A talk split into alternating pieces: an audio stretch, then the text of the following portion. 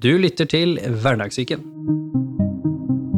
I denne episoden skal vi snakke om det å ha et toppidrettsmindset, og hvordan kunne endre vaner og tankesett og tankebaner i hodet, og du skal få ha gleden av å møte sjølveste Øyvind Hammer. Han da som også har jobbet med alt fra toppidrettsutøvere og salg som mental trener. Velkommen tilbake til Hverdagssyken, og velkommen for første gang til deg. Tusen takk. Det, du driver jo, du har nesten vært innom en liten podkast sjøl. Du sa du hadde drevet en liten en, men at det hadde vært en liten, skal vi kalle det, ettårspermisjon? Ja, det er jo dette med å gjøre ting man syns er veldig morsomt, men som man ikke alltid har tid til. Og så er det ikke det viktigste man gjør, men det er gøy når man gjør det. Så der Ja, jeg får nok ta meg litt sammen og gjøre mer av det, tenker jeg. Nå får du litt trening, da. Ja, det er jeg veldig glad for. Mm. Vi er veldig glad for at du er her òg. Det ble litt sånn spontant, dette. Vi avtalte det her i stad, vi. Ja, det var kort, kort varsel, men det var fint vi fikk til, syns jeg. Ja, det syns jeg òg. Og da er det store spennende spørsmålet for folk, da. Det, for de få som holdt på å si ikke veit det, hvem er du?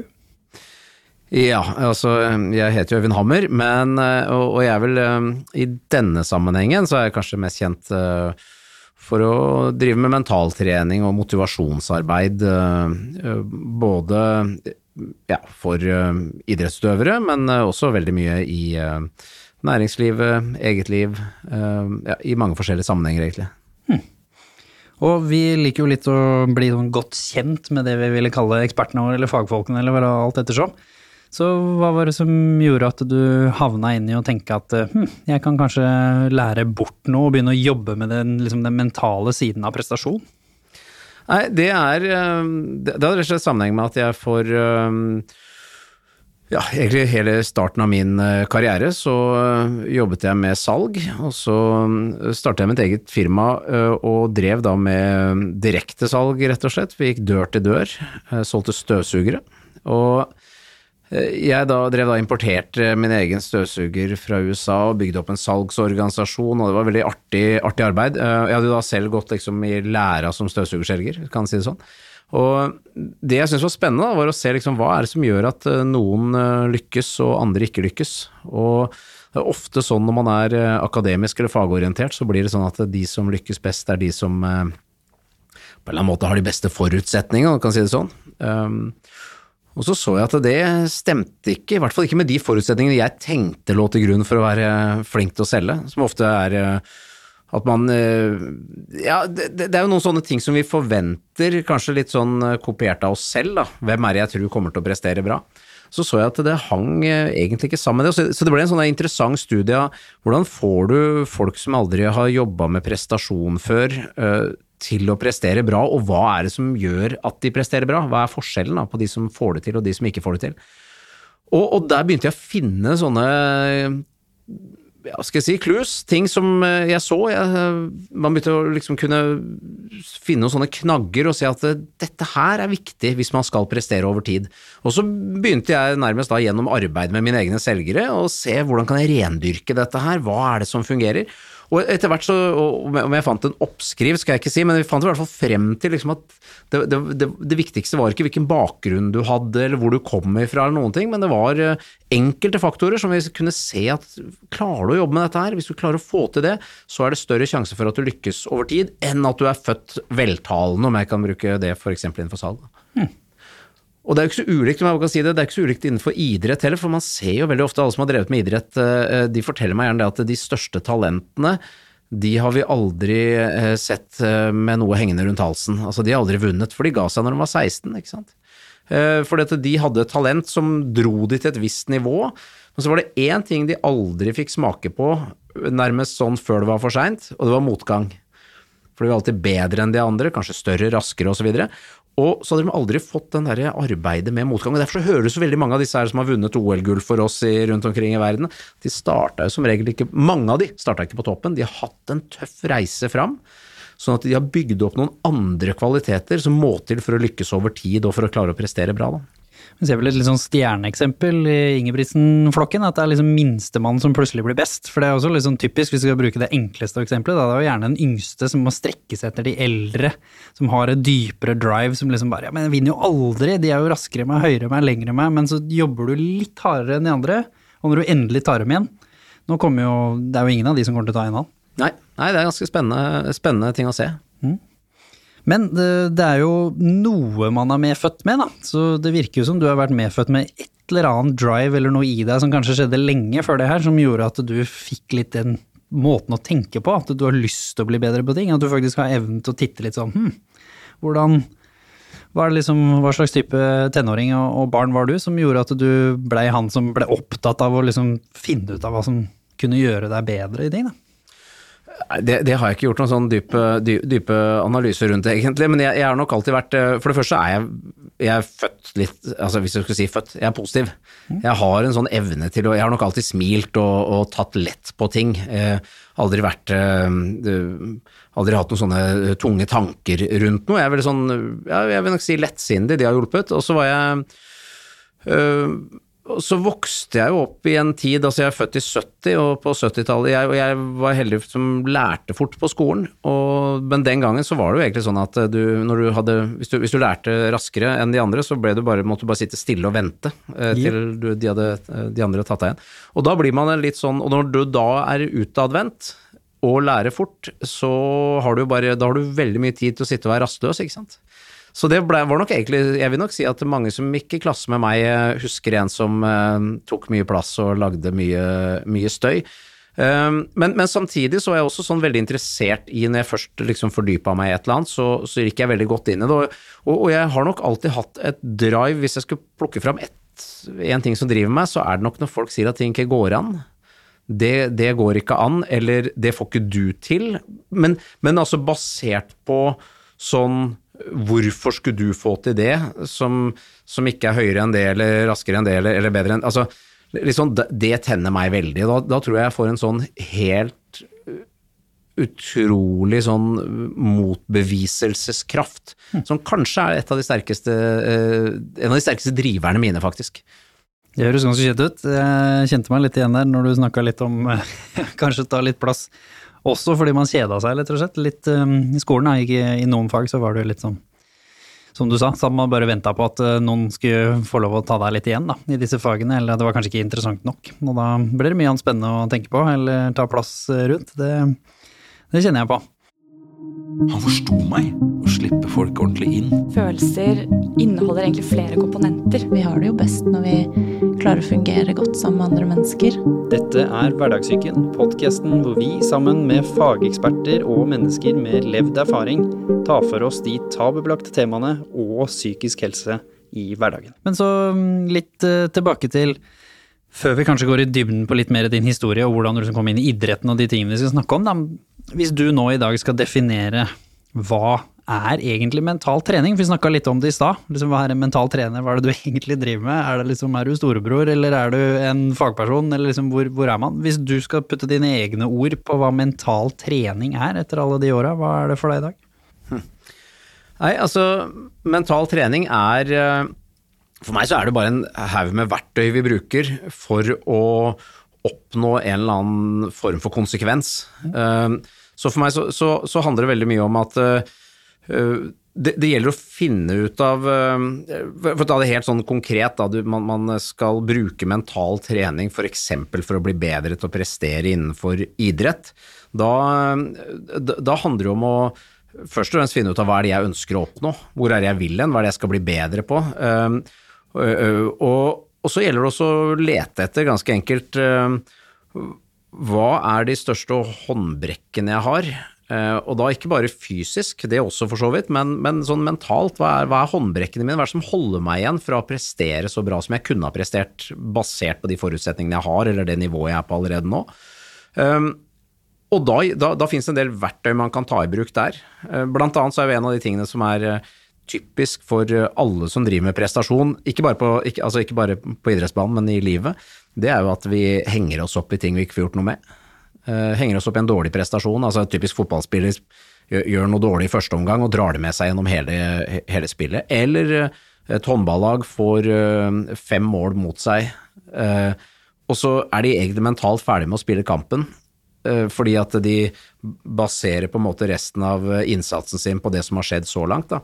Og, det, og, og, da ser man at det da å ha evne til å nullstille og trene på den ferdigheten, det er veldig viktig hvis man er i den situasjonen. Um, og så kan det være, for andre igjen, så kan det være at man eh, trenger å um, Når man skal sette seg mål for hva skal jeg egentlig få til, så må man tørre å tenke stort nok. Man er vant til å sette seg mål ut fra hva man tror man kan få, ikke ut fra hva man egentlig vil ha. Dette er vi vel ekstra gode på i Norge, er vi ikke det? Du som også har jobba mye i utlandet og sånn. Vi er ganske gode på dette med janteloven, og du skal ikke liksom utafor boksen din og Ja, og der tror jeg kanskje bare, bare det er USA som er helt i andre enden, men, mens sånn, vel, hvis jeg skulle ta det veldig sånn stort, da. Men, men, men ja, vi er veldig flinke til dette med at vi Du skal jo ikke stikke deg ut, ikke sant, man skal være forsiktig. Og, og da er nok det der å ha evnen til å Altså, det er også en mental ferdighet, da. Det å tenke stort. Det å tørre å tenke stort. Det å tørre å tenke utenfor boksen. Det å liksom faktisk sette seg ned og stille spørsmålet Hvis jeg kunne velge fra øverste hylle, hva er det jeg egentlig vil?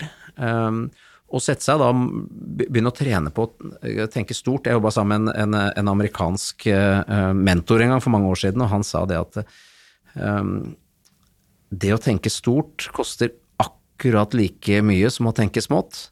Det er bare mye morsommere å være med på ferden når vi tenker stort. Og det å det, så, så, så for meg så er da mental trening handler jo om altså det er ulike verktøy vi kan si vi, vi bruker. Det kan være visualisering, det kan være pusteteknikker, det kan være planlegging. Det kan da være det å tørre å sette mål. Det handler også om å, å lære seg å finne svaret på de riktige stedene, tørre å gå til de beste eller de riktige for deg. Men det, men det er en, et sett av uh, verktøy man bruker. Men så gjelder det å finne det verktøyet som jeg trenger å bruke. Og hvis jeg kunne si hvor jeg tror kanskje mange går feil, det er jo at man øh, øh, tenker at øh, Altså som mentaltrener kan det være lett å tenke at det som fungerte med den forrige utøveren, det må jeg nå la den neste gå gjennom.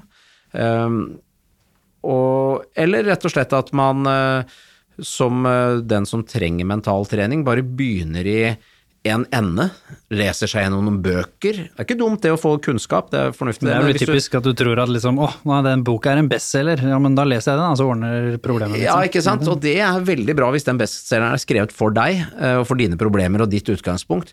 Men, men det som, og jeg tror at det som var lurt da med å gå til en fagperson, eller en som, en som har litt erfaring, vil jeg si, innenfor dette her, det er jo det at du får hjelp til å liksom skru på akkurat det du trenger, i stedet for å få hjelp med Ja, eller, eller for å, i stedet for å bruke opp tiden din på noe som egentlig ikke du har effekt av akkurat nå, eller som ikke svarer på dine problemer, da.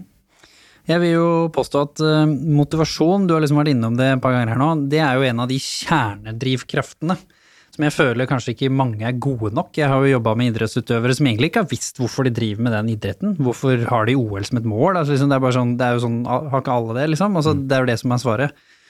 Hvor eh, viktig vil du si at motivasjon i liksom kjernen av å få til noe er for deg? Og, og hvordan måte, ser du på motivasjon som en del av bildet her? Altså, jeg pleier å si litt overdrevent at motivasjon betyr alt. Men eh, altså, nå driver jeg ikke en sånn, øh, hva skal jeg si, religiøs kul, kult her, så, så jeg mener ikke at det betyr alt. Men motivasjon er viktig, og det, det som er interessant, da, det er jo at eh, motivasjon det er jo en sånn øh, Det er en veldig personlig følelse. Vi kan ikke måle hvor motivert du er i ulike situasjoner, men når du er motivert, når det virkelig er noe du har driv for, så merker du det. Det gjør noe med energien din, det gjør noe med eh, humøret ditt, eh, og det gjør noe med tempoet ditt, faktisk. Eh, sånn helt automatisk, bare av at det er et eller annet du har drive for å gjøre. Og evnen til å tåle både motgang, men også litt sånn smerte. Li, altså hvis vi snakker om Ja. idrett, salg, altså det å tåle at ting tar tid, at det er vanskelig, den også vil jeg påstå liksom øker, da. Ja, veldig, og det kommer litt grann av, tror jeg, at det handler om hvilket fokus er det du har, for du er jo alltid motivert for noe. Eh, Men, men hvis du bare tenker deg en dag på, på jobben, da, hvor du virkelig er motivert for å løse en oppgave, så, så, så er det noen som da øh, som har forsket på dette og sett på at faktisk så er man, om du er motivert for en oppgave, eller om du er likegyldig til den, og med likegyldig så mener vi ikke negativ, bare at du øh, du har ikke fokus på å løse den sånn, du har ikke driv, da. Selv om du er kvalifisert, like kvalifisert for oppgaven, så vil du ha mye bedre resultater når du er motivert. Og noe av det tror jeg, og dette er et litt sånn viktig poeng, synes jeg, det kommer nok av at når du har fokus på et mål, så har du drivkraft mot det, altså du, du, du ser målet, du går mot i en viss fart, og så dukker det opp hindringer, da, problemer. Og det som da skjer, er at du, du ser jo ikke på du bruker ikke noe energi egentlig på hindringene, du vil bare løse de for å komme deg videre. Og når du trenger hjelp, så ber du om hjelp for å komme og Og plutselig så skammer du deg ikke om å spørre hjelp, fordi Nei, du er motivert for Ja, ikke sant, for du vil jo bare komme deg altså Det handler jo bare om at Og i det øyeblikket du har løst problemet, så sier du takk for hjelpa, så løper du mot målet igjen, eller altså gå videre, da. Mens når du er eh, La oss nå si at du kommer på jobben, og egentlig en, motivasjonen din, eller målet ditt den dagen, det er å ha en digg dag. Så, så skal du fortsatt løse problemer, eller altså gå, gå mot mål, da. Men når det da dukker opp problemer, så dukker jo det opp på hindringer, og det, det- ødelegger for den digge dagen. Og da har vi en tendens til å bli irritert, ikke sant. Da blir det sånn, men hvorfor i all verden dukka dette opp nå? Og så blir vi gjerne sånn at vi begynner å peke på de som lagde problemet. Og når jeg da ber om hjelp fra deg, så ber jeg ikke om hjelp til å løse problemet, da ber jeg om hjelp til å diskutere hvor irriterende det er at vi har dette problemet, og da fyller du gjerne på med en erfaring du har. Ja, du, kaller du dette et problem? Skulle sett hva som skjedde forrige uke, du. Og så driver vi idioterklærer folk rundt oss, og poenget her er jo bare det, dette er jo helt naturlig, egentlig, det er ikke noe galt med oss. Det er bare det at eh, vi har fokus på feil sted, og dermed så er vi jo ikke løsningsorienterte når disse hindringene dukker opp, vi er eh, problemorienterte. Ikke sant? Og da, så, så det det det handler om er jo egentlig å, å, å tilbake igjen til hvorfor er motivasjon viktig, og for at det er viktig å skape motivasjon sånn at man får eller det, det er viktig å skape motivasjon for det som er viktig for en, eh, sånn at man har riktig fokus, og dermed eh, er løsningsorientert. Jeg tenker at Det store spørsmålet man må stille seg, er jo hvorfor. Hvorfor driver jeg med dette her? Hvorfor eh, Ja, som du sier, da. Hvorfor skal jeg til OL? Jeg må ikke dra. Noen sier at ja, men jeg gjør det for at jeg må, for jeg spør ofte idrettsutøvere jeg jobber med, som er litt sånn lei eller noen sånne ting. Så jeg, hvorfor kan, kan du ikke bare slutte? da? Og da sier de nei, jo, du- jo, du kan det. Så hvorfor gidder du å fortsette å drive? Og, og det som er interessant med å bli stilt til veggs med det spørsmålet, hvorfor, det er jo at du Enten så må du si ja, men jeg skal gi meg, eller så kommer det en motivasjonstale der hvor du begynner å se på de positive tingene med det du driver med. Og jeg tror at dette her ikke bare er viktig for en prestasjonsutøver, jeg tror dette er viktig at vi gjør det i livet vårt òg, hvis, du- hvis du lever sammen med noen, da. forhold, ja. Ja, ja. Så det er smart å stille spørsmål hvorfor gidder jeg dette?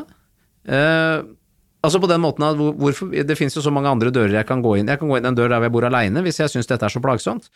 Um, og da får du en sånn motivasjonstale til deg selv. Jo, men hun er jo super, og altså, altså Ok, akkurat nå så har vi kanskje hatt en tøff periode, at barn og vi er søvnløse nesten osv. Det er klart det sliter på oss begge.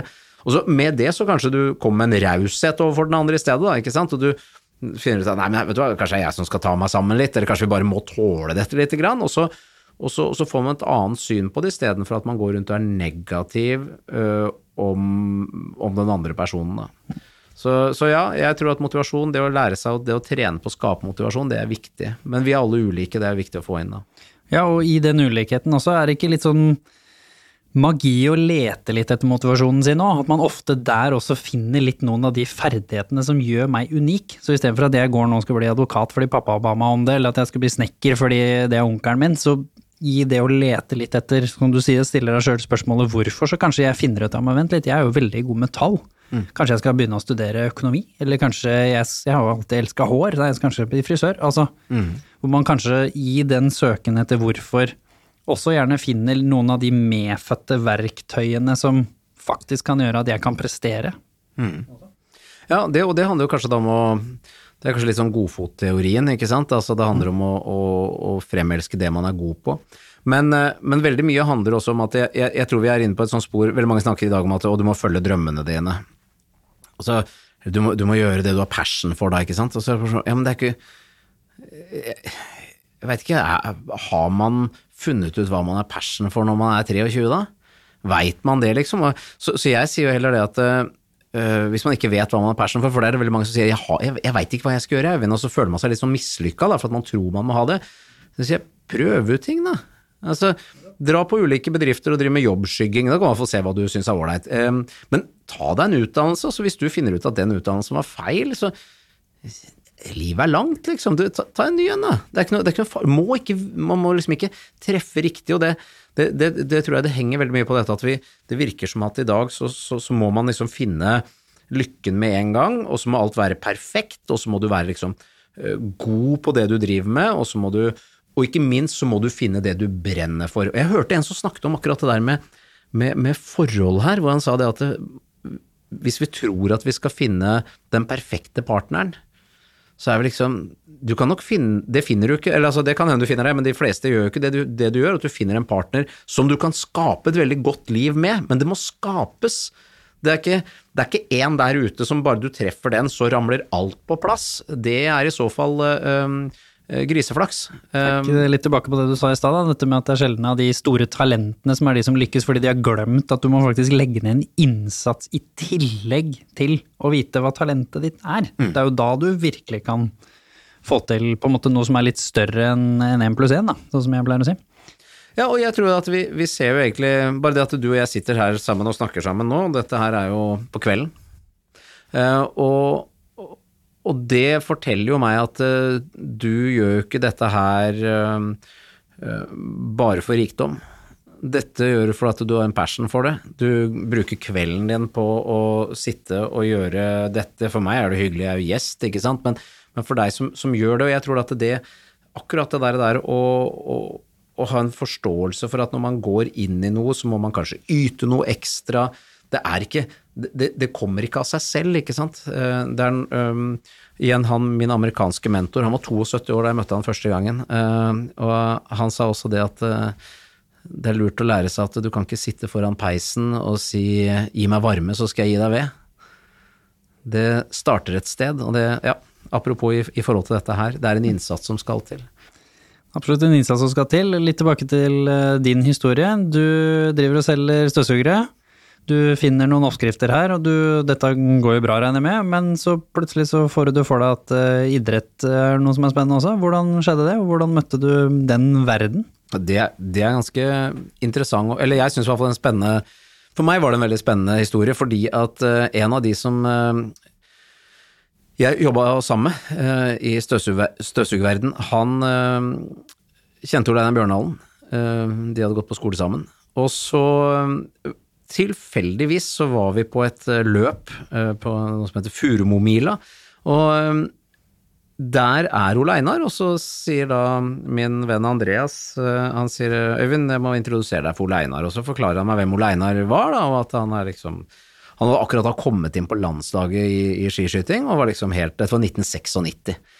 Og, men han var liksom sånn upcoming da, ikke sant, og så tenkte jeg å, så spennende skiskyting, altså for jeg jeg hadde jo alltid sammenligna det vi holder på med i salg opp mot sport, da, på en måte, altså hvor, hvor viktig det er med fokus og konsentrasjon og de tingene her, og at man eh, ja, og, og som selger da, så blir du målt kun på resultater, ikke sant. Du kan være den beste til å prate, men det hjelper ikke det hvis ingen kjøper av deg. Og, og da, så, så du må lære deg de tingene rundt det. og Samme med, gjelder jo med, med, med skiskyting, ikke sant. Veldig resultatorientert. Og da tenkte jeg det må være mest, en av de mest mentale sportene. Så jeg tenkte hvis han er på landslaget i skiskyting, da har han greie på mental trening. Så han må jeg lære av. Og dermed så fant jeg vel en eller annen grunn for å treffe han igjen. For å få rett og slett tømt huet hans. Jeg vil vite hva driver dere med på landslaget i skiskyting? Hvordan er dere forbereder mentalt? Hvilke metoder bruker dere? For jeg var jo da interessert i å ta dette over til selgerne mine, sånn at de kunne gjøre det enda bedre, åpenbart. da. Men det, det som var pussig, da, det var at han sa det driver vi ikke noe særlig med. Nei, det var det jeg regna med.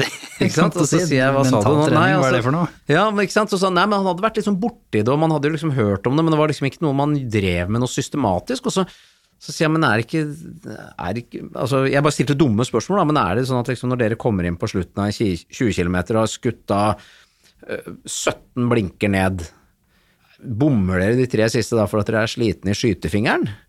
Og så, sier han nei, nei, gjør ikke det. Hva er det som skjer? Hvorfor blir du så mye dårligere skytter akkurat da, da?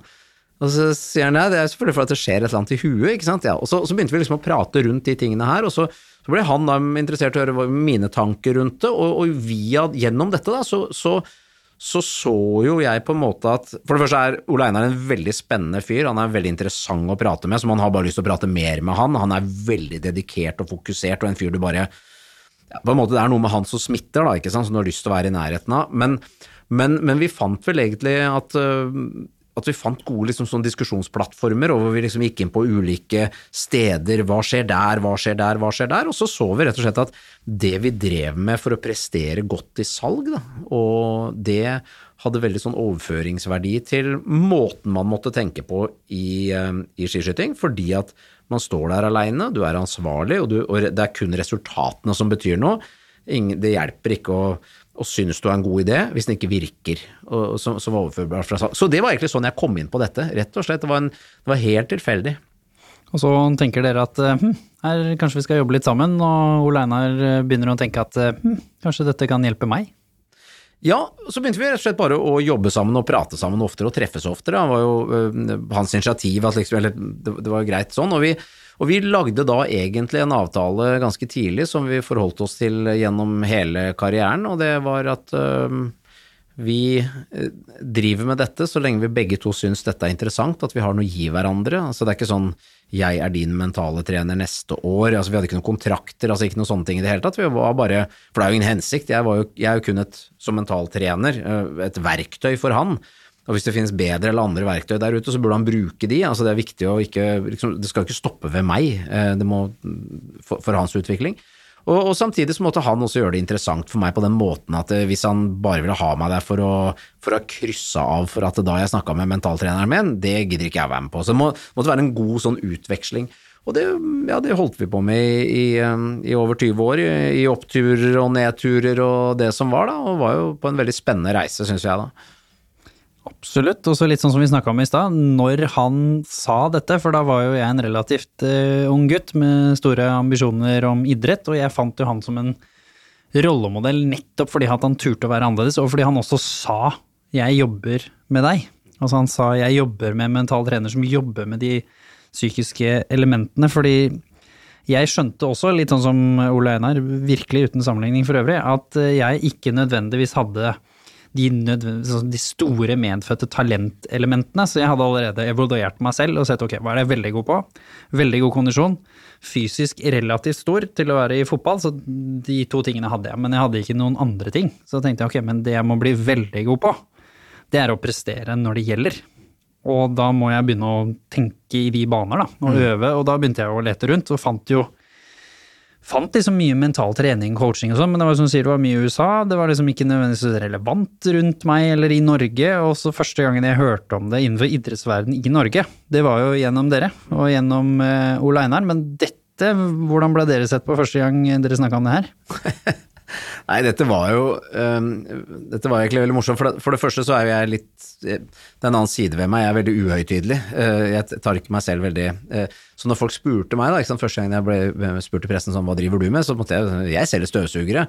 Uh, og jeg sa heller ikke at jeg drev et selskap hvor vi drev Jeg bare sa at jeg selger støvsugere dør til dør. Så, for jeg syntes det var veldig kult, liksom. Det var det jeg dreiv med. Bare at ok, jeg hadde mange ansatte og sånne ting, men det var liksom Det, det syns jeg var kult. Og da Det, det var kanskje ikke noe sjakktrekk i forhold til å det bli tatt på alvor, da, ikke sant. Uh, uh, men, men, men, samtidig så, så, så sa jo folk Altså, de, de tenkte nok at når du driver med altså mentaltrening da har du problemer, på en måte. Det var liksom synet på det. Så, så, det ble jo veldig sånn sett på som noe veldig teit, eller sånn er, er det noe gærent med en? Uh, var faktisk liksom det det var. Og, og, det var jo først egentlig etter at han uh, jeg vil jo si at etter OL Jeg skal ikke si at alle var imot det, for det var veldig mange gode trenere som var for og sånne ting, men, men sånn generelt så var det litt sånn derre tanke om at dette var noe rart, og det var nok først etter OL i Salt Lake City, da han hadde, sant, fikk, dette historiske OL-et hvor han vant alle konkurransene han stilte opp i, hvor, hvor, det da ble veldig og han selv fokuserte på at dette handler også om at jeg har trent mentalt, altså forberedt meg og jobbet med den biten der, som, som førte til at uh, det ble mer anerkjent. Og jeg sa jo den gangen så sa jeg at det om ti år så finnes ikke ett lag som, med respekt for seg selv som ikke har det, liksom, for jeg, jeg er så sikker på at det er viktig.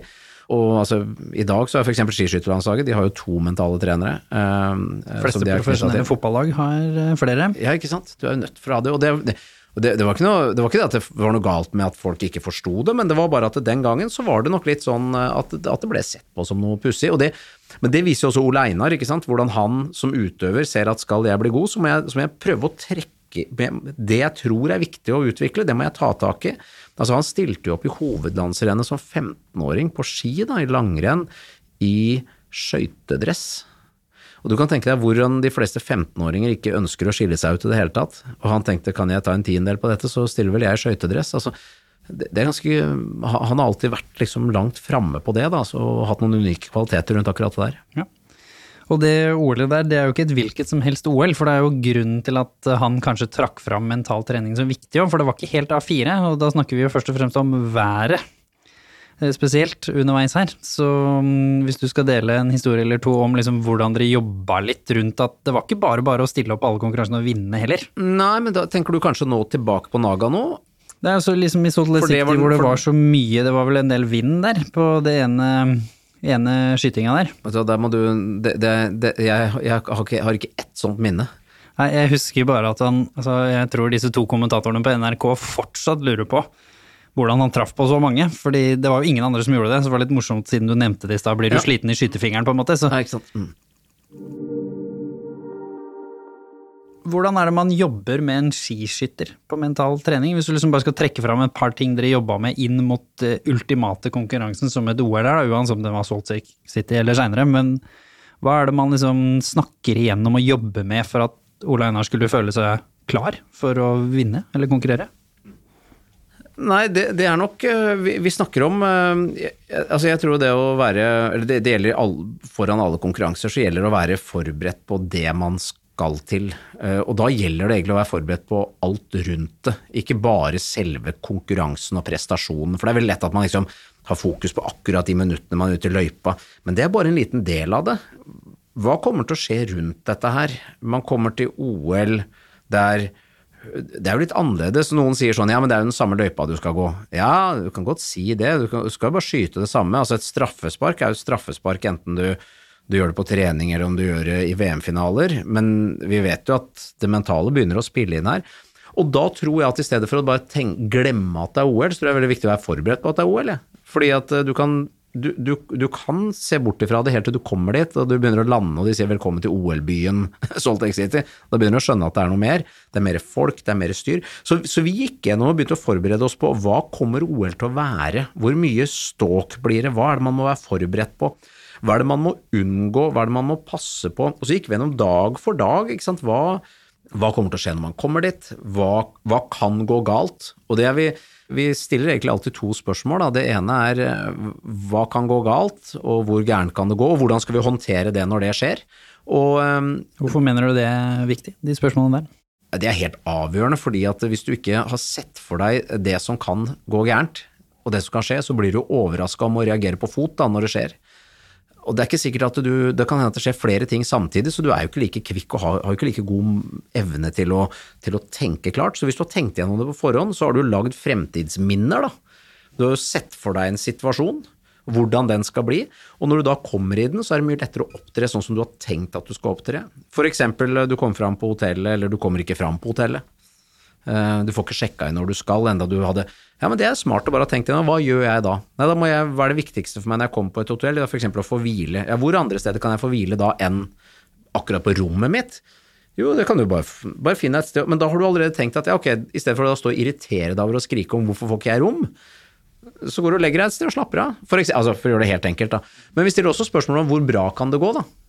For hvis alt går på skinner, hva, hva da? Eh, Og det kommer jo veldig ofte til da, hvis du tar konkurransegjennomføring, der er vi veldig på Vi er kun på selvfølgelig arbeidsoppgaver, ikke sant. Resultater er en konsekvens av arbeidsoppgavene, så vi har fokus på arbeidsoppgavene. Men, men så er det jo også noe med det at ja, hva skjer, og vi var spesielt forberedt til Salt Lake City, hva skjer hvis du vinner det første løpet, da? Masse forventninger, pressen begynner å snakke om det, ikke sant. Og han var jo blant favorittene, men etter første løpet så var det mye mer snakk om det. Veldig mye mer, og det var vi allerede forberedt på, at, eh, at, han, kunne, at han kunne komme til å vinne første løp. Så vi hadde en plan for hvis han havna på øh, 83.-plass, som jo han en gang hadde gjort i et annet løp, eller noe lignende, ikke sant. Eh, hva gjør vi da? Eh, hvor fort legger vi det fra oss? Hvordan går vi videre til dagen etter? Eh, for da har du et sånt veldig enkelt valg. Skal jeg stille opp på jaktstarten, eller skal jeg ikke?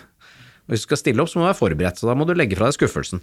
Ok, men så vinner du, da. Ja, hva gjør du da, da? Ja, da er det jo noen, Hva er det som da er viktig at du får gjort, uavhengig om du har vunnet eller tapt? Du må få i deg drikke, du må få deg hvile osv. Så, videre. så planla vi jo hvor mye tid man skulle bruke på de ulike tingene. Og så var det det hyggelig å kunne reise og hente denne medaljen, det var veldig kult. Men så, så visste vi også at hvis han vant andre gangen, da begynte dette å bli litt sånn Da ble det mer enn hyggelig at han vant. Da begynner det å bli litt attention, ikke sant. Da blir familien involvert osv. Altså, det, det skjer mange ting, da, for da, vi, da begynner pressen å skal flere vinkler. Men så begynte vi også å tenke, ok, hva med hvis du vinner tre, da? Altså, og, så, og så videre. Sånn at vi, vi hadde på en måte sett for oss at, vi, at han kunne vinne i alle løp, og var forberedt på hvordan man da måtte gjøre det. For hvis ikke igjen, så reagerer man på fot. Du kommer på det tredje eller andre seieren, og så begynner du å liksom Dette er stort. Og så, så, blir du grepet av øyeblikket, og så er du ikke godt nok forberedt inn i den tredje konkurransen fordi at du blir overraska over de gode resultatene. Så ja, planlegging, se for seg, det er sånn helt utrolig viktig. Ja, se for seg, her hadde dere faktisk visualisert, og sikkert i Oleinars tilfelle også følt litt på det å faktisk kunne vinne alt. Det er jo egentlig en absurd ting å se for seg, fordi mm. det er jo ingen som hadde gjort det før. Så hvordan mener du at det å kunne se for seg og kanskje føle litt på et mål man ønsker å oppnå, er litt viktig? Ja, altså jo, jeg, jeg, mener at det er viktig i gjennomføringsfasen fordi at man har skapt fremtidsminner og ikke blir overraska når det skjer. Det mener jeg er det aller viktigste. Så kan du godt si at uh, det, det, det, kan skape motivasjon, uh, det å kjenne på det, men, men vi er nok, er nok, litt mer på at det Altså når jeg jobber med idrettsutøvere, eller når jeg jobber med prestasjon, da, altså, så er min, min hele, hele, tanken der er at hvis du skal klare å bli god over tid, så må du slutte å ha fokus på å vinne. Da må du faktisk legge den tanken litt fra deg. Det betyr ikke at du, at du stiller opp for å gjøre ditt beste hver gang, men hvis målet er å vinne, så bruker du altfor mye energi på å sammenligne deg med andre mennesker og følge med på hva de holder på med.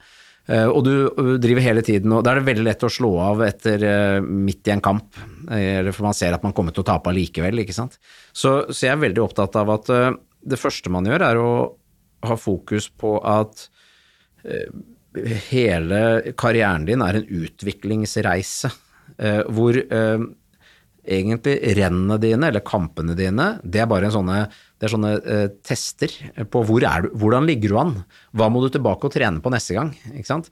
Sånn at vi er, jeg er veldig opptatt av at man, man, ikke har fokus på det å vinne, og derfor er det der også liksom se for seg å vinne. Nei, men det å se for seg en god prestasjon, det og følelsen på, av det. Ja, følelsen av en god prestasjon, når jeg får til det, og det sitter, og det sitter. Det å kjenne på den gode følelsen der av å klare det, det er, det er, det er en voldsom drivkraft. Og så kan drivkraft Selvfølgelig det er å tenke at det hadde vært gøy å vinne, men vi, vi, prøver å ta fokuset vekk fra det og over på resultater. Og da kan Jeg bare fortelle, jeg, snakket med en av utøverne mine her eh, forrige dag igjen, som forteller meg om en, eh, en konkurranse hun hadde stilt opp i, hvor hun hadde fått tilbake godfølelsen, og det bare virkelig satt, og det begynte liksom å bygge seg opp skikkelig igjen.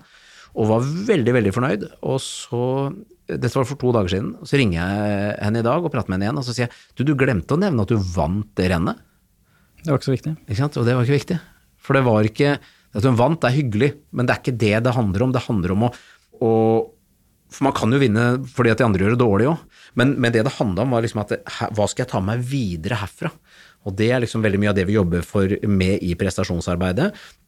Og som da ofte blir det kjedelige svaret. Hva skal du fokusere på? Arbeidsoppgaver. Arbeidsoppgaver. Men, men det å klare det i pressa situasjoner er egentlig det vi jobber mest med.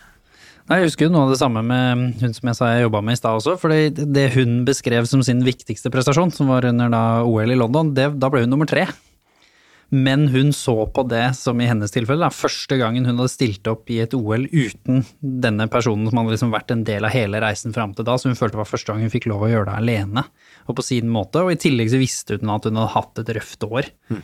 Så den prestasjonen så hun på som bedre enn de gangene hvor hun kanskje bare hadde vunnet. Eh, og dette er jo lengdehopp, så i teorien så leter du etter det perfekte hoppet. Så mm. du kan jo vinne bare fordi du ikke flakser, men på en måte gjør et veldig godt enkelthopp, og så er egentlig alt annet ubrukelig. og Altså vant du OL allikevel. Mm. Så hun følte at hun, det hadde vært litt mer av det før, da. Mens denne gangen var det liksom Det var på grunn av at hun faktisk hadde jobba hardt for det. Og det lyktes med det hun prøvde på, så ble hun nummer tre, og så var hun mer stolt av det enn alle de andre gullene hun hadde fra før, da. Ja, det er herlig. Så det er litt morsomt. Ja. Men eh, du var litt inne på det i stad, det der med å gjenskape prestasjoner. Det er ikke så lett. Det gjelder også i livet. Gjerne når vi får til noe, om det er i, altså i kjærlighetslivet, om det er på arbeidsplassen, eller om det er i idrett. Så når vi liksom har lyktes en stund, så har vi en tendens til å både å ta ting for gitt, kanskje, men også slite litt med å finne motivasjon til å fortsette mm. som du sier. Og jeg vil jo påstå at eh, Ole Einars karriere er vel en av de beste eksemplene på noen som har funnet en eller annen god løsning på det. Da. Så du var jo innom det nå. Hva tenker du er det som kan hindre det, hvis du ser på problemene først. Hvorfor kan veldig dyktige mennesker som får til veldig store ting, plutselig bare forsvinne fra idretten, eller forsvinne ut av forholdet, eller jobben plutselig bare ikke få det til lenger? Det er sikkert sammensatt, men, men, jeg, men jeg tror at hvis man har veldig fokus på da noe man ønsker å oppnå, da, et perfekt resultat, eller altså, la, la, oss si at jeg ønsker å bli olympisk mester. Det er målet mitt, jeg, og jeg henger alt på det, ikke sant. Så blir jeg olympisk mester, da. Så hva skal jeg gjøre for noe nå? Ikke sant? Eh, kanskje målet er å få Man har et sånt bilde av at eh, jeg skal drømmedama eller jeg skal drømmemannen, ikke sant? og så skal vi ha barn, og så skal vi bo der, og så skal vi bo der. Og så, og så, og så får du alle de tingene her, da. Men så merker du jo det, akkurat som når du har blitt olympisk mester. Det er jo ikke noe som har forandra seg. Når du har blitt eh, det vet Jeg har ikke, jeg har gjort akkurat det, men det, jeg har hørt om folk som har gjort det. det men det samme også, ikke sant? når du har fått det der perfekte forholdet, da. du har fått de barna, du har egentlig alt det du skal, så er det, jo, det, ikke, det, det noe der. Altså, det, det, er, det, er, jo ikke et, det er ikke en endestasjon, og dermed så er vi der. Og jeg tror det at det at man har de der bildene av at hvis jeg bare gjør det, så kommer liksom livet mitt å forandre seg. Ikke? Det er veldig sånn nå i dagens samfunn. Nå er det jo veldig fokus på at jeg skal få A, B, C, D, F, G, H, og så en eller annen sånn underbevisst tanke om at det vil føre til X. Ja. Og, og, det, det veit vi jo f.eks. når det gjelder penger, da, så er det jo, dette har, det jo, har man jo forska på og sett hvor, Det er noen som gjør en sånn lykkeforskning hvor de ser på hvor mye av inntekt å si. ikke sant? Og, og inntekt har noe å si opp til en viss grense. Eh, og det, For en stund siden så var det 700 000 eller et eller annet sånt noe. Men, men poenget er jo det at og, det er ikke så rart, for opp til da, så, så hvis, du, hvis, du, har mindre enn det, så vil du jo mangle viktige ting i livet ditt som gjør at du hele tida sliter, da, ikke sant.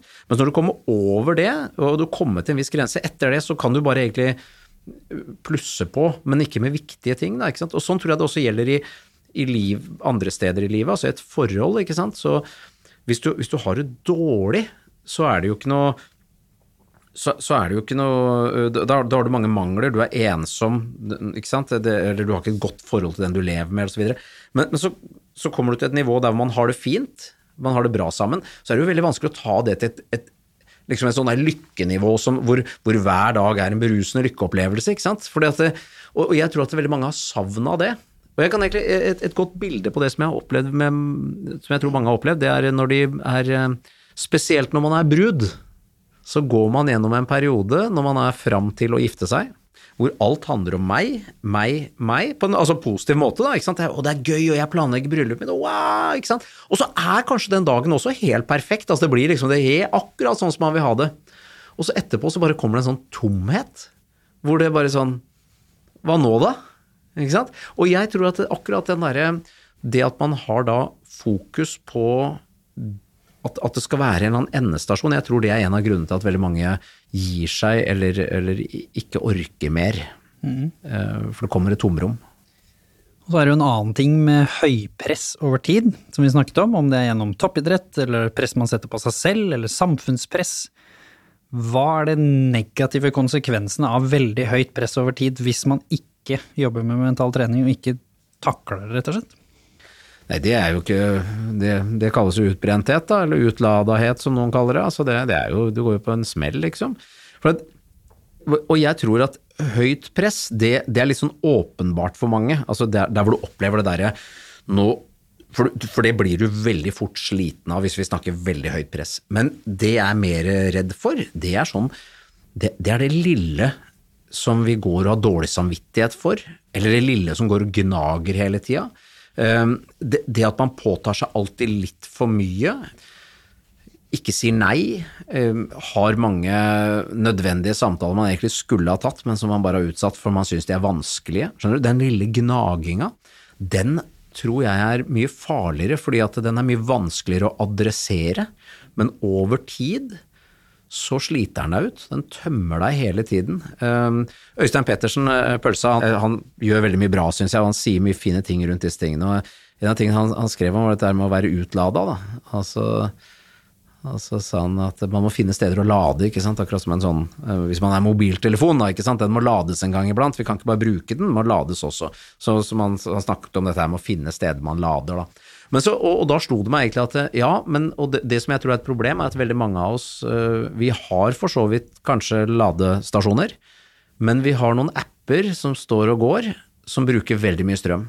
Som vi ikke vet bruker mye strøm. De er bare bakgrunn. De er der, og de lager, de, de tømmer oss.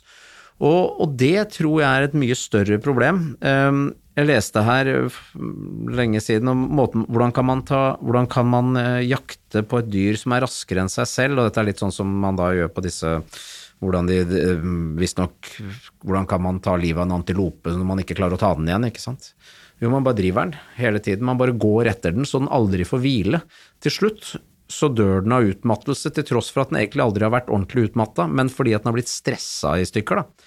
Og det tror jeg veldig mange mennesker opplever. Det er at man har et sånt der evig Det går hele tiden og gnager, og så er det mer og mer prestasjonskrav og de tingene der. Og eh, jeg vet ikke hva løsninga på det er, men jeg tror, del, jeg, jeg, jeg tror at det er en utfordring vi har, og som, er, eh, som jeg tror alltid har vært, men kanskje enda mer nå, selvfølgelig med det um, høyhastighetssamfunnet vi lever i, da. Mm. Det er fint at du bruker ordet lade òg, for jeg tror at det er veldig mange som misforstår Spesielt hvis vi sammenligner oss med idrett og sånn, hvor vi gjerne lærer om disse tingene. Da. Hvordan skal du ta vare på deg selv for å få til prestasjoner og sånn, så er det gjerne idretten vi ser til. Og da er det gjerne en sånn typisk ok, det er, liksom, det er kosthold, den kan de fleste litt forståelse for. Ok, sove, det har folk skjønt er viktig. Og så må vi liksom ha noe form for hvile. Men lade og hvile er ikke nødvendigvis det samme. Mm. Sove gjør vi jo stort sett hver dag uansett, om det er dårlig eller godt. Men det å lade kan man gjøre på mange måter. Mm. Altså, for eksempel vet jeg jo veldig mange idrettsutøvere gjerne gjør et eller annet som tar tankene deres vekk, for eksempel fra press. ikke sant? Der man tuller litt av det er mange som sitter og spiller, noen leser bok, ikke sant? andre spiller sjakk, noen går og leker ute med barna sine. Altså, mm. man gjør ting hvor man lader opp selv om man egentlig gjør noe. Mm. Kan du fortelle litt om forskjellen på lade og hvile? Jeg, jeg, tror nok i hvert fall at det, det, viktige er Vi sier ofte det at det å ha ferie er å gjøre noe annet enn det du gjør til vanlig. Og, og det at man tar og kobler kode ikke, Altså ikke bare som du er inne på, da, ikke, at man ikke bare går for den fysiske hvilen, som for så vidt også er viktig. Jeg tror akkurat dette med å lære seg å puste godt f.eks. er en smart ting for å klare å, å, å koble ut litt og la kroppen få hvile. Men eh, det at man gjør andre ting, og har fokus på andre ting, det, det gjør jo nettopp det at hjernen får hvile. Og eh, hun, denne utøveren jeg snakka om i, i stad, som, eh, som, akkurat ikke fortalte meg at hun hadde vunnet, men hun hadde da lest og fått med seg at det var smart å ikke bare hvile, men også å legge telefonen i et annet rom. Altså det å, det å, Vi tenker ofte at jeg hviler, men jeg har jo Jeg venter jo på et eller annet som skjer på den telefonen. Og det å faktisk legge den helt vekk, sånn at jeg er totalt uten noen forstyrrelser, men også at jeg, at jeg, at jeg er bevisst på at jeg er uten forstyrrelser, det gir en ekstra lading da, eller, eller, eller hvile. Og jeg tror at akkurat dette her med å det med å skjerme oss selv, da, det, det, det, det, tror jeg er avgjørende, det tror jeg er viktig. Og det kan man gjøre på mange måter, men altså det å finne på andre ting. Ole Einar og jeg hadde jo en ting vi uh, gjorde mange ganger, spesielt under store mesterskap, det var at, uh, at vi dro på kasino. Jeg er ikke han noen stor gambler, og det er ikke jeg heller, så det var mer sånn for moro. Men hvis, vi da hadde han med seg eh, en dress, og så hadde jeg med meg ja, Jeg jobba jo i dress, jeg kom som regel i dress på disse tingene her, men så og så dro vi til et, uh, til et kasino, kjempebra for meg, jeg hadde sjåfør, ikke sant, så jeg kunne se, være James Bond med en drink, og han uh, uh, drakk Farris. Drakk, ja. Men så, så, spilte vi blackjack eller et eller annet, så på en av disse hviledagene de hadde da, ikke sant.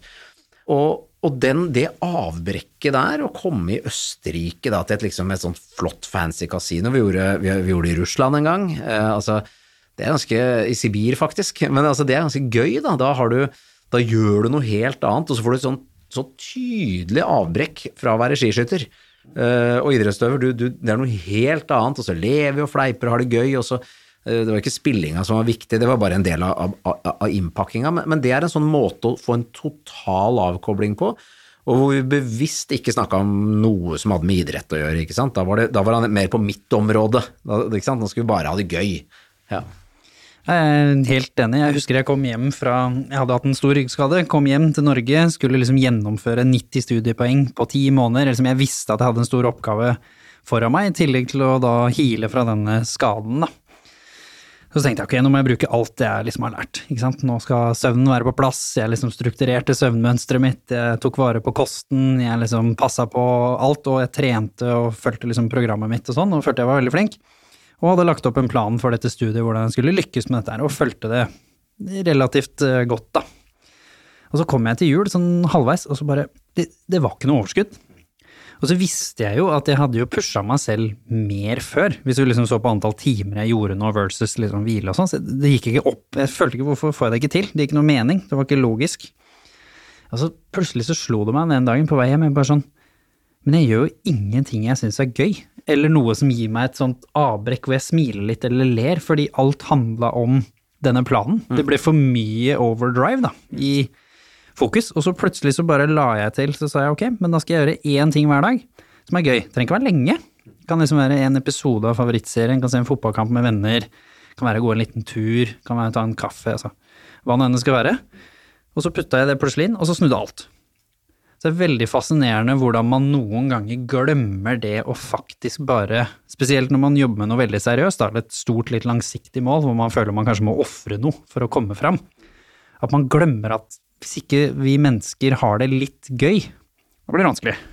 Så det, det var veldig sånn nydelig å se. Så det er et godt eksempel på at dere altså, Du liksom trakk jo fram at det her var det viktigste, at det var gøy. Du slapper av, stresset forsvinner, presset forsvinner, og så dagen etterpå så er vi tilbake på OL-arenaen og skal prøve å vinne OL-gull. Det er jo faktisk sånn det er litt i det vanlige livet òg, da. Som du sa i stad, hvis den smågnaginga går, kanskje bare det da å ta en liten tur med noen venner av deg, eller gjøre et eller annet. Gå opp i korketrekkeren oppe på Frognerseteren og ake. Så glemmer du det i hvert fall i to timer, da. Ja. Det hjelper. Ja. Så eh, det som er litt problemet med oss mennesker, da, når vi har det veldig vanskelig over tid og er under høyt press, også i toppidretten, som jeg sa i stad, Ole Einar var jo en rollemodell som sa at liksom rusmidler, og da snakker vi ikke om liksom doping, nå snakker vi om liksom da for eksempel røyke, snuse, drikke, er noe ganske mange også har gjort i toppidretten, fordi de bare trenger den mentale pausen, så istedenfor å gå i korktrekkeren, så sitter vi og drikker litt, på en måte. Vi er veldig glad i avhengighet og rømme på den måten. Hvorfor eh, kåler vi med sånt? Nei, det er eh, Jeg, tror at vi mennesker har en eh, Eller altså, vi er alle skrudd sammen forskjellig. Um, man kan jo kanskje si at noen av de som ikke driver med noe sånt, er veldig avhengig av, sin, av å holde seg unna det òg. så, så på et eller annet vis, men, men vi har en tendens til å komme inn i noen mønstre som, eh, som går på tvers av det vi egentlig mener er riktig, da. Og, det, og, mener- og jeg syns det er greit. Altså jeg, jeg, er veldig for at man skal senke skuldrene, skal ikke gå rundt og ha dårlig samvittighet for alt mulig. Folk går jo og har dårlig samvittighet for at de spiser sjokolade, og for at de eh, røyker eller tar seg et glass vin eller tar for mye eller sånne ting. ikke sant? Og det det, det, det syns jeg bare er tøys. Eh, Det skal man ikke ha. Men, men tvert imot så tenker jeg at eh, når man først øh, gjør ting, så skal man nyte det uansett hva man gjør, da. Men så så kommer du inn i en sånn interessant ting da, når man begynner med f.eks. Altså, rusmidler. Da, ikke sant? Altså, um, så, så er det jo noe med at du Den første røyken, den er jo helt pyton. Men, men så gir den deg noe allikevel, da, ikke sant. Eh, Og, og så er ikke det så rart hvorfor vi begynner, egentlig, for det er ganske kult og gøy og sånn. Um, Men så etter hvert da, så er det veldig mange som tenker at jeg burde egentlig slutte å røyke, eller slutte å snuse for den saks skyld. da, Ikke sant? Man, man liksom, dette her burde jeg gi meg med. Eller man må slutte med sukker, ikke sant. Jeg, spiser for mye sjokolade. For at, for jeg faktisk spiser for mye. Altså, og da har man kommet til et avhengighetsforhold der hvor, der hvor det ikke lenger er jeg som har kontrollen. Da, ikke sant? Det er øh, sjokoladen som forteller meg når jeg skal spise sjokolade. Uh, og det er også sjokoladen som forteller hvor mye på en måte skal spise er tomt. ikke sant? Um, og når jeg gjør ting som går på tvers av det jeg egentlig mener at er riktig, og jeg ikke kutter ut, det jeg gjør i stedet da, det er at jeg begynner å rettferdiggjøre det jeg holder på med. Og da begynner jeg å endre på sannhetene mine. Da begynner jeg å endre på min oppfatning av verden. Så jeg Og til og med i verdiene dine og tukler litt. jeg gjør det. At det jeg gjør da, at jeg sier at ja, men øh, øh, Man bruker f.eks. dette argumentet for å kunne gjøre dumme ting, da. Da sier vi at ja, men jeg lever jo bare én gang. Og så er det sånn jo, vi lever bare én gang, men er det da lurt å, å sikre at det blir så dårlig som mulig med f.eks. Å, å få seg eh, lungekreft? Da? Det, er jo, det er ikke et argument, og nå mener jeg ikke at du nødvendigvis får lungekreft, eller at, altså, at det er dårlig, men, men det er noe med at eh, ikke bruk det som unnskyldning. Da kan du ikke bare si at vet du hva, jeg, jeg spiser sjokolade for at jeg har lyst på det. Eller den argumentet om at jo, men jeg gjør alt annet riktig, jeg må jo få lov å ha én. Ja, ikke sant? Altså, Det er ikke noe ja, da sier man at summen av laster er konstant, og det er selvfølgelig bare fjas òg, fordi at babyer er jo ikke født med laster, ikke sant. Men vi begynner å endre på virkeligheten vår, og så begynner vi å rettferdiggjøre dårlig oppførsel. Og det gjør jo at egentlig den største problemet når vi skal drive med endringer, uansett hva det er for noe, er jo ikke alltid det er ikke alltid den fysiske delen av det, eller den faktiske endringen som er problemet, men det er de holdningene vi har bygd opp, eller de sannhetene vi prøver å forsvare, som, eh, som gjør at det er vanskelig å, å ta tak i det, da. Jeg har faktisk intervjua hundrevis av mennesker, og veldig mange av dem har jo drevet med avhengighet helt inn i heroin, altså en av de stoffene som liksom er de tøffeste selvfølgelig å drive ut av kroppen eller å slutte med, men jeg er fortsatt til gode å møte en av de som sa at det var den fysiske endringen i stoppen av avhengigheten som gjorde at de slutta. Det var at de endra historien om hvorfor de rusa seg in the first place. Med en gang den endra seg, så var det å slutte selv med heroin i deres beskrivelse, da, enkelt. Og det er fascinerende. Hvis man da klarer det, så burde jo ikke på en måte snus og røyk og hva nå enn sukker eller andre ting eh, være så kompleks, hvis man da faktisk skjønner at det er der du må gjøre det. Det handler ikke igjen om å finne den rette oppskriften på å slutte fysisk, som du sier. Man må litt dypere enn som så.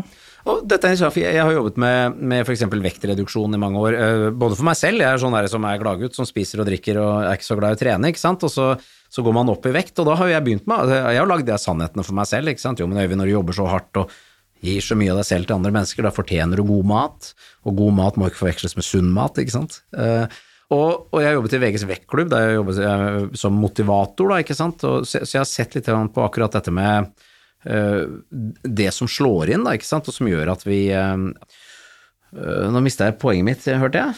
Ja, det kan hende det var noe lurt der. Jo, men det var litt sånn poenget er at vi sa jo at man må jo dypere enn som så, i det å forstå hvorfor denne sannheten er den som kanskje må endres. Ja, det var godt, da kommer jeg egentlig tilbake på det. Fordi at det som er det, det som er virkelig, da, det er at når jeg bruker disse unnskyldningene med at jo, men når, når jeg f.eks. for eksempel, jeg har vært en storsnuser, altså sånn skikkelig god til å snuse, storrøyker og for så vidt slutta med det òg, men nå har jeg slutta med snusing, og, det, og, og, og da, da brukte jeg jo sånne uh, unnskyldninger, eller grunner da, for hvorfor jeg snusa, ikke sant. Men det som er interessant, er at ingen av de grunnene var relevante når jeg var ti. Da var det ikke sånn at etter et godt måltid så må man ha en pris snus. Det var jo noe jeg hadde lært meg, det var jo noe jeg hadde sagt til meg selv at sånn er det. Og hvis du legger merke til, og det var akkurat det jeg skulle inn på med dette med, med, med vektreduksjon, da, så legg merke til en skuespiller som legger på seg, disse amerikanske skuespillerne, som legger på seg 20 kilo, 30 kilo, 40 kilo for en rolle, og så bare med en gang de er ferdig med den rollen, så bare slanker de seg rett ned. Og de har ikke noen problemer med den slankedelen, og grunnen til det er at de går bare gjennom den fysiske delen av det, for hjernen deres har jo aldri forandra seg. De har jo ikke de, de har bare, en grunn til at jeg spiser mye burger og mye ræl og drikker øh, øh, øh, holdt jeg på å si, øh, flytende fett nå, det er fordi jeg skal bli stor til rollen. Men de har jo ikke endra på, de mener jo ikke at jeg må fortsette med det, eller at ja, men jeg fortjener donuts, øh, eller man kan ikke kose seg uten bearnéssaus. De har ikke de meningene i det hele tatt, de har ikke gjort om den endringen. Derfor er det jo veldig lett for dem å gå ned igjen i vekt også. Og det mener jeg bare er et sånn godt bilde på hvordan hvis du ikke gjør noe med sannhetene dine, så kommer du heller ikke gjøre, no, gjøre noe med handlingene, og dette går både i positiv og negativ retning da, ikke sant? Ja, Så hvordan gjør man noe med dette? da? Hvordan slutter man både med altså, Dette handler jo om å både slutte med en avhengighet, men også typ endre en vane. De er jo litt gode venner, de to der. Mm. ja, det første så må man jo erkjenne at det, dette er noe jeg har lyst til å ta tak i.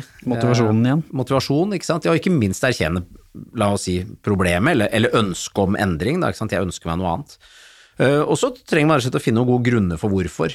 Uh, jeg tror det at uh, de fleste av oss sant, lager nyttårsforsetter om at nå skal jeg begynne å trene mer. og så gjør vi Vi er jo motivert kanskje, for vi går og kjøper oss et medlemskap eller et eller annet sånt. Men så begynner vi ikke å trene da, ikke sant. og grunnen til at vi er der kort tid. Og det er fordi at vi ofte er bare er smertedrevet. Vi vil bare vekk fra den dårlige samvittigheten over ikke å trene. Men vi har egentlig ikke lyst til å begynne med det. ikke sant? Så, så det da også finne noen gode grunner, og da stille spørsmål hvorfor, og det er ofte ikke godt nok da bare at ja, men fordi det er sunt.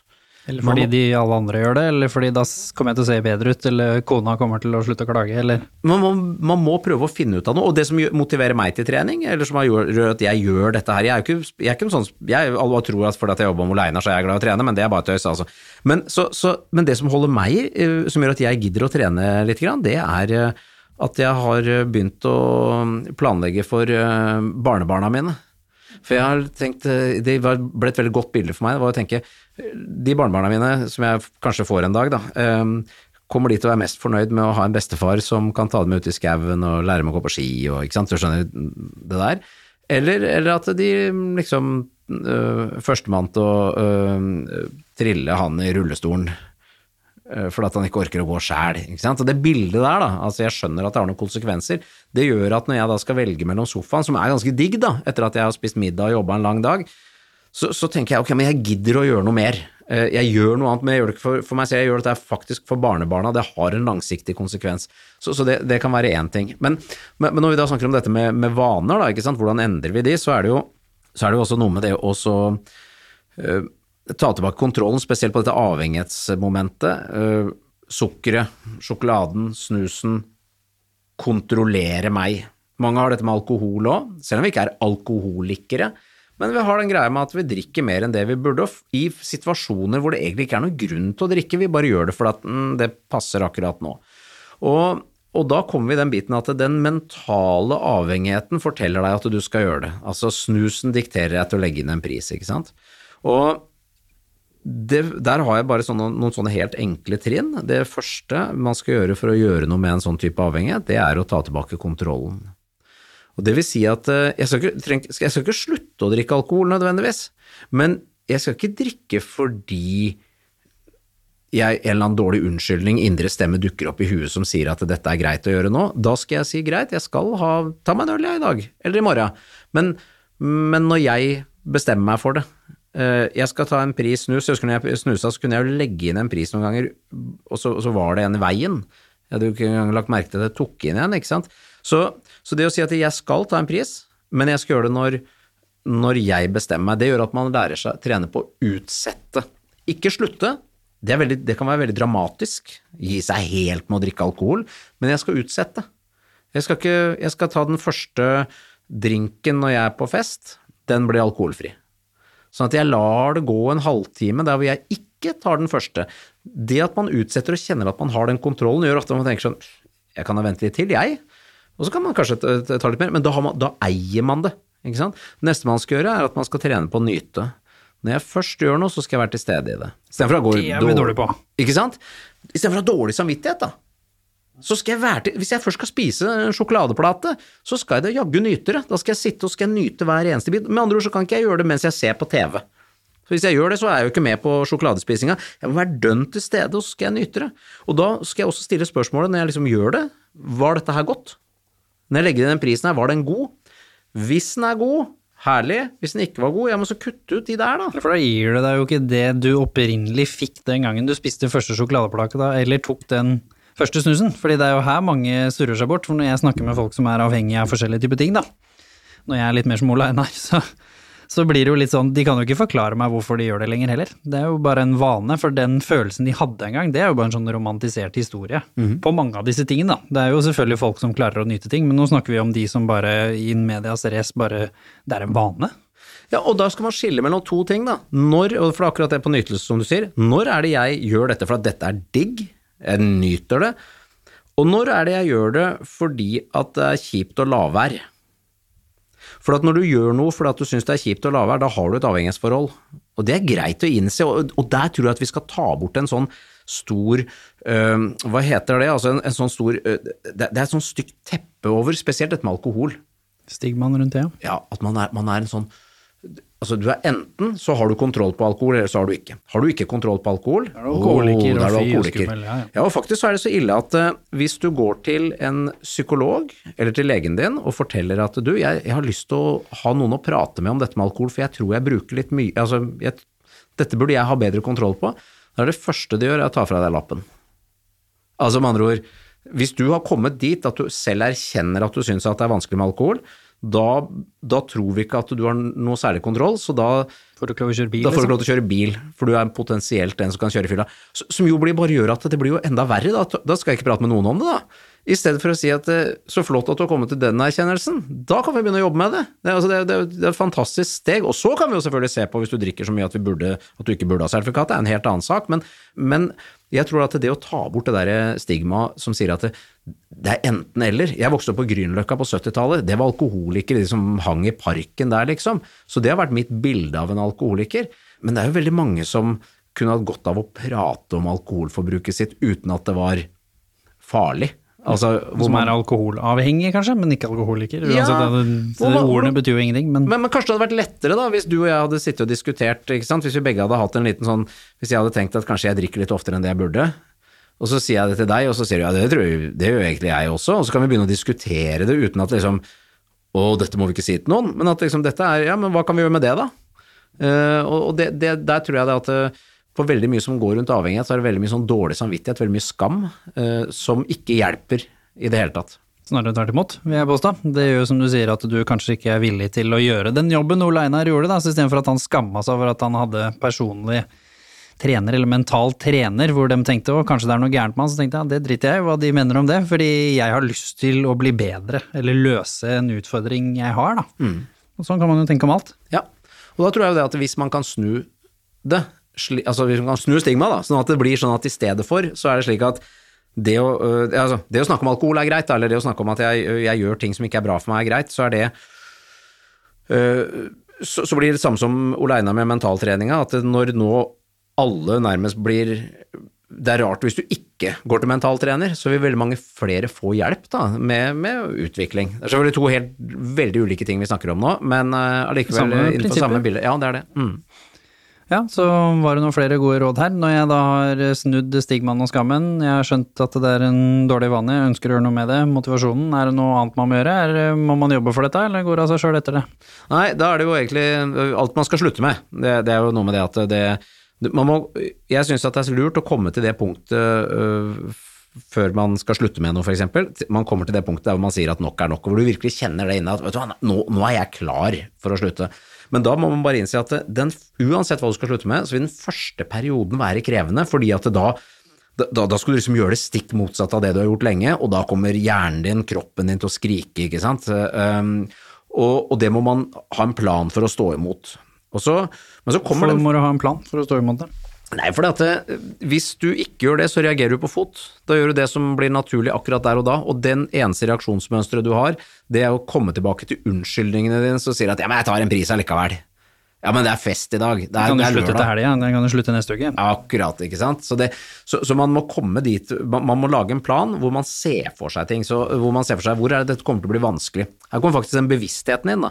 Hvis man blir en bevisst da eksempel snuser eller sjokoladespiser, så, kan man, så vet man at ok, her elsker jeg det.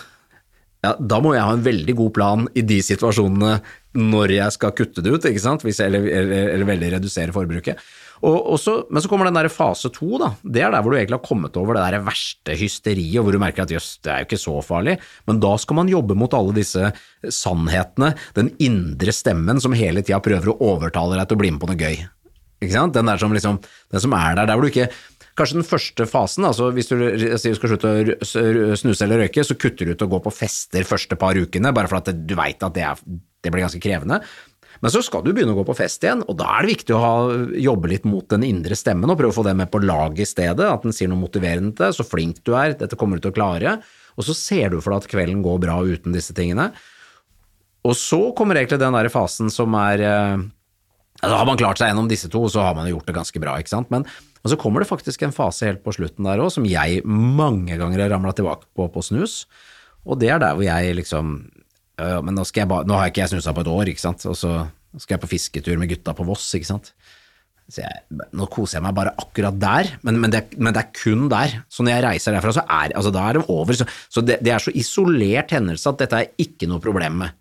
Og så, og så tror jo hjernen min på det òg, men det er jo ingenting som er diggere enn snus, da, ikke sant? så da sitter jeg der oppe og snuser, da.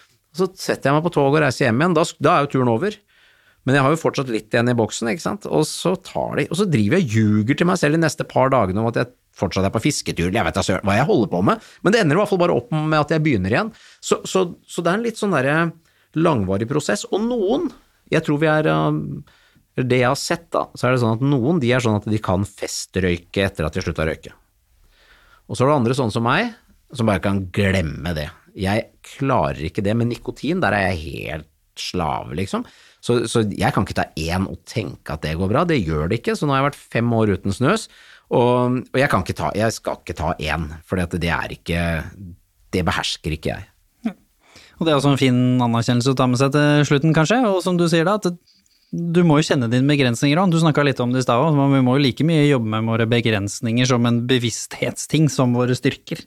Så det å faktisk anerkjenne ja, akkurat det er ikke jeg god på, men det er sikkert andre ting du får til fint å gjøre litt innimellom av såkalt dårlige vaner, som kanskje jeg hadde hatt kjempeproblemer med å gjøre én gang, for da hadde, jeg bare, bått, da hadde jeg bare fortsatt med det. Så det er jo litt fint å være litt bevisst på det òg. Det er visse begrensninger vi har. Ja, og for å avslutte det på topp, så kan jeg jo si at det var jo en av fordelene nettopp til Ole Einar Bjørndalen, at han Det var jo kjent at han var veldig god til å gå på ski, men han var en dårlig skytter. Altså at, at det var broren Dag som hadde skytegenene i familien, ikke sant. Det var det. Og, og da ble det på en måte litt sånn nærmest en sånn Det er ikke noe vits i for han å jobbe Altså, han får bare jobbe med det å bli bedre, fortsette å være god på ski, for skytinga, det, det får han ikke orden på. Og, og, faktisk så er akkurat det da, at han eh, turte å utfordre på det og kjente at dette er min svake side, men det betyr jo ikke at jeg må akseptere det. Så da utfordrer han i stedet, og så i stedet for da å si at jeg skal bli, jeg må passe på så jeg ikke skyter like dårlig hele tida, så sa han jeg skal bli verdens beste skytter. Og det fins noen som er gode på det, så da må jeg bare, jeg må bare trene ti ganger hardere enn de andre, for jeg har ikke et naturlig talent der. Så da må jeg bare være villig til å legge inn innsatsen, og det å være villig til det når du egentlig kunne ha satsa på langrenn. Ja, for det kunne han jo. No fairness, han har jo prestasjoner og medaljer i langrenn. Det er jo mange som spurte han om det en stund. Hvorfor bare takke fyren og hiver den børsa i skauen og bare går langrenn? Ikke sant. Tenk deg hvor mye enklere det hadde vært for han å bare gå langrenn. Og han vant jo, han har en verdenscupseier i langrenn, liksom. Ja, ja. Og, det, og det, jeg bare tenker at det å ha den evnen da, til å nettopp utfordre på det som er vanskelig når du egentlig kan la være, for du kan velge å la være, så gjør han det allikevel. Og øh, jeg, jeg, tenker nok at selv om han ville hatt en fantastisk karriere i langrenn nå, så er han mye mer fornøyd, vil jeg anta, med at han nettopp har klart å oppnå noe som var veldig krevende i karrieren sin, ikke bare vunnet en hel masse. For da er vi tilbake på det som var litt kanskje svaret vårt på hva er det som skal til for å føle at man kanskje har et litt lykkeligere liv. Det er jo faktisk å være litt mer bevisst rundt det valget du har gjort, og nødvendigvis bare å gjøre det som er lett for deg. Mm. Det virker som vi begge to er ganske enige om at det er ikke det som fører til et lykkelig liv, hvis du bare gjør det som glir, og som er god smørning hele tida. At det lugger litt under sida, og at du allikevel kan finne på å vinne. Det er ganske deilig. Ja, jeg er um jeg er nok veldig for akkurat det, for jeg ser også at vi i altfor stor grad går ut nettopp og blir skuffa når ikke livet kommer sånn som vi har sett det på, på floskel på Instagram, da, ikke det, men du skjønner, altså, når ikke det er sånn som vi trodde det skulle være, og sånn som det har blitt tegna opp til å bli. Men det er faktisk sånn at det, livet, det, kom, det krever, altså. Det kommer til å butte, men og, og, og noen, noen, av oss får en, for en urettferdig stor del av det vanskelige. Men eh, vi har alle vårt liv og vår situasjon, og så må vi liksom ta det som utgangspunkt. Og eh, ja, veldig tro på at man må fokusere den veien der. Og i den noten, hvis vi skal avslutte da, hva er den tingen du har oppnådd som, du, som har gitt deg den beste følelsen? Kan for så vidt få lov å si to ting, sånn at man liksom ikke trenger å velge én. Men to ting on top of your head som har gitt deg den gode følelsen, som er de tingene du faktisk følte at det, det satte jeg pris på. At det var mulig å få til. Eller oppleve. Aha. Nei, jeg, jeg, sitter og tenker, men det er, det er, egentlig en av de helt nylige tingene som, som slår meg. Jeg driver et, et salgsselskap sammen med kona mi.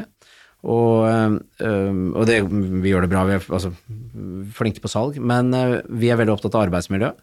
Og vi hadde en medarbeiderundersøkelse nå hvor eh, medarbeiderne våre, vi er noen og tyve ansatte, eh, anonymt ga svar tilbake igjen på hvor godt de kjenner seg igjen i det vi tenker er et godt prestasjonsmiljø og et godt miljø å være i, hvor man gleder seg til å gå på jobb. Og der fikk vi eh, altså en tilbakemelding som var så god, altså hvor de sa at det dere den intensjonen dere har om å skape verdens beste arbeidsplass, det er sånn vi opplever å ha det her. Og det er ehm, det er mye viktigere enn at jeg selv gjør et eller annet bra, rett og slett. Det at vi klarer å skape det vi har lyst til for andre eh, på en sånn måte. Det tror jeg er en fin note å slutte dette her på, at vi litt tilbake til det samme. Når meningen med livet kan fort hende at samfunnet vi har skapt i dag, hvor det er meg, meg, meg, meg, er mulig vi har rota oss litt bort. At det faktisk er ganske deilig å ska, samskape noe med andre, men også oppnå resultater som har tatt tid. Hvor man føler at liksom, du skaper noe som er godt, ikke bare for deg sjøl, men også for andre. Det kjenner jeg meg veldig igjen i. At det er jo noen av de tingene, noen av de få tingene jeg er stolt av. Jeg er ikke så god på å være stolt av noen ting, egentlig. Men det var på en måte en lignende type ting, da, når vi så hos oss at en som jeg vet, fordi jeg har vært en som har vært utafor før, altså typisk mobba på skolen og sånn, så så jeg en som kom inn i teamet som jeg kanskje anså som den typiske personen som kanskje har hatt et sånt liv, hvor man har vært mye utafor. Og så så jeg de automatisk ble inkludert av de som du kanskje ville sett på som de kule på skolen, liksom i gåsetegn. Helt naturlig, uten at du så verken den som kanskje var utafor tenkte på det, eller de som såkalt hadde vært innafor tenkte på det, fordi vi hadde skapt en kultur over mange år hvor det var normen, og vi vet vi har jobba strategisk mot å oppnå det, og så plutselig bare spilte det seg ut foran meg. Da hadde jeg sånn bitte lite øyeblikk av noe så sjelden som at jeg bare sånn, dette er jeg stolt av. Ja. Tusen hjertelig takk, dette var uh, veldig interessant. Spennende. Tusen takk. Jeg er veldig, veldig glad for at jeg fikk lov til å komme.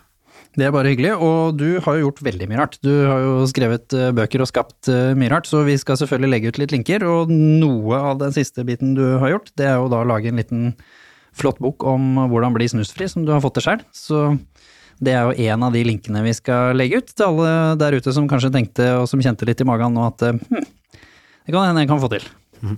Så det skal vi gjøre. Og tusen hjertelig takk til alle som eh, hører på, som vanlig. Send oss eh, gjerne nå inn om det er en vane eller noe du har lyst til å endre på, for da putter du det på tekst, og så sier du 'dette har jeg lyst til å gjøre noe med'. Og så sender du oss også den første tingen du har tenkt å gjøre. For da har du liksom gitt oss en sånn liten pekepinn på at eh, da er det noen som holder deg litt ansvarlig. Det tenker jeg kan være nyttig. Så da gleder vi oss til å se hva dere har lyst til å positivt eh, endre med da dette mindsettet som du har lært fra denne podkasten her. Ha en så god dag som overhodet mulig, folkens, der ute.